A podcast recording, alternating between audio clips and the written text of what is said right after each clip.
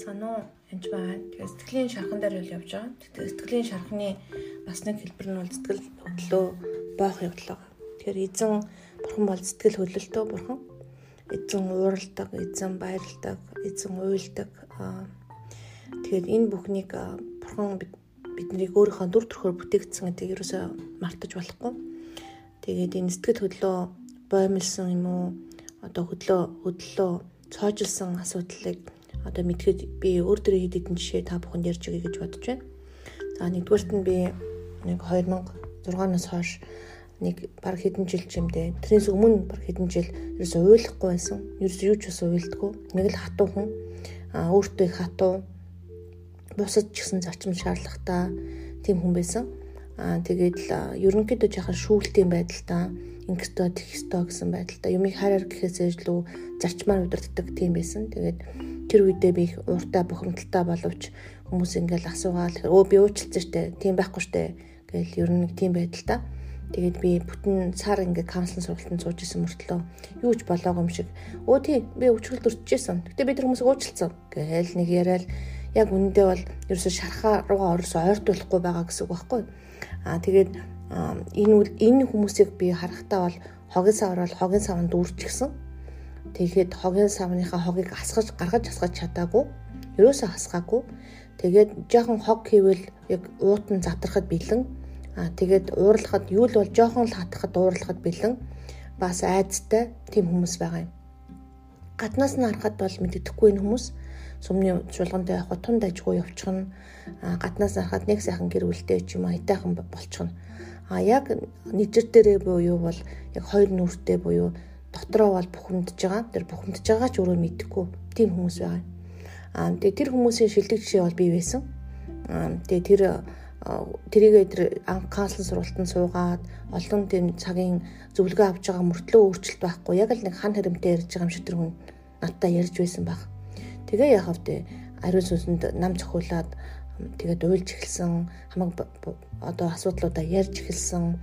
Уйлаад бүтэн сар уйлсан эмоцтой бо сэтгэл хөдлөлтөй болж хуурсан. Тэгээд юмыг одоо хайраар өдөрдүүл зурсан зарчмаар биш. Тэгээ тэр хэсгээ нөө мэдхгүй байгаа нь хамгийн аюултай байдаг. Хевсэр бол нэг хогон дээрээ гоё гоё хевс тавьчихсан. Хуарахад хевстэй. А доороо одоо хог байгаа юм юу байгаа юм. Нүрээр бол бод шарахтаа нүрээ цохиулсан. Гэтэ тэр хөхийг нуугаад будгаар халахалцсан. Тэгээ тэрийгээ өөрөө ч мэдэхгүй хөхөрсөн гэдгээ ч мэдэхгүй явж байгаа. Тийм хүнийг хэлж байгаа.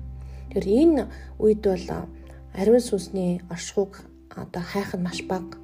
Ариун сүнсийг сайн мэдгүй хүмүүс хэлэхэд сайн ойлгохгүй бардам зантаа эгото тийм байгаа. Магадгүй эдгээр хүмүүс бол миний подкастыг бүр сонсохчгүй байх. Аа тэгвэл хин нэг нь одоо танаа найз нөхчин хамаатан саданчин ч юм уу таны мэддэг хүн за энэний тухай ярьж байна даа гэж байгаа бол тэр хүмүүст бас энэ подкастыг хуваалцаарай гэж би зөвлөмөр байна. Тэгээд танд бас нэмэр болж байгаа бол миний подкастуудыг хуваалцаарай гэж бас хэлмээр байна. Тэгэхээр энэ сэтгэл хөдлөлөө одоо нуун дарагдуулах, боомлох явдал бол маш аюултай. Бурхан тэгж хүсдэггүй биднийг. А ялангуяа йогт явж исэн хүмүүс бас юм байд болсон байдаг. Нэг йогт явж исэн эмэгтэй бол одоо маш их ууртай бухимдалтай байсан. Тэгээд дарах гад йогт явсан. Тэгээд жигтэйхэн сайн амраа монголон болсон гэж байгаа. Амралтаа тэр хүн ямар сэтгэл хөдлөл байхгүй, хайрлаж мэдэхгүй, дурлаж мэдэхгүй, бар уурлаж бухимдчих мэдэхгүй, баярлаж хөөрчж мэдэхгүй тийм одоо юу гэдэг зомби шиг болцсон байгаа байхгүй. Тэгээд тэрийг бол сайн болсон байна гэж хэлж байгаа. А гэтэл яг жинхэнэ талаас харах юм бол бид нар бурхны дүр төрхөөр бүтээгдсэн гэрөөсөө мартаж болохгүй.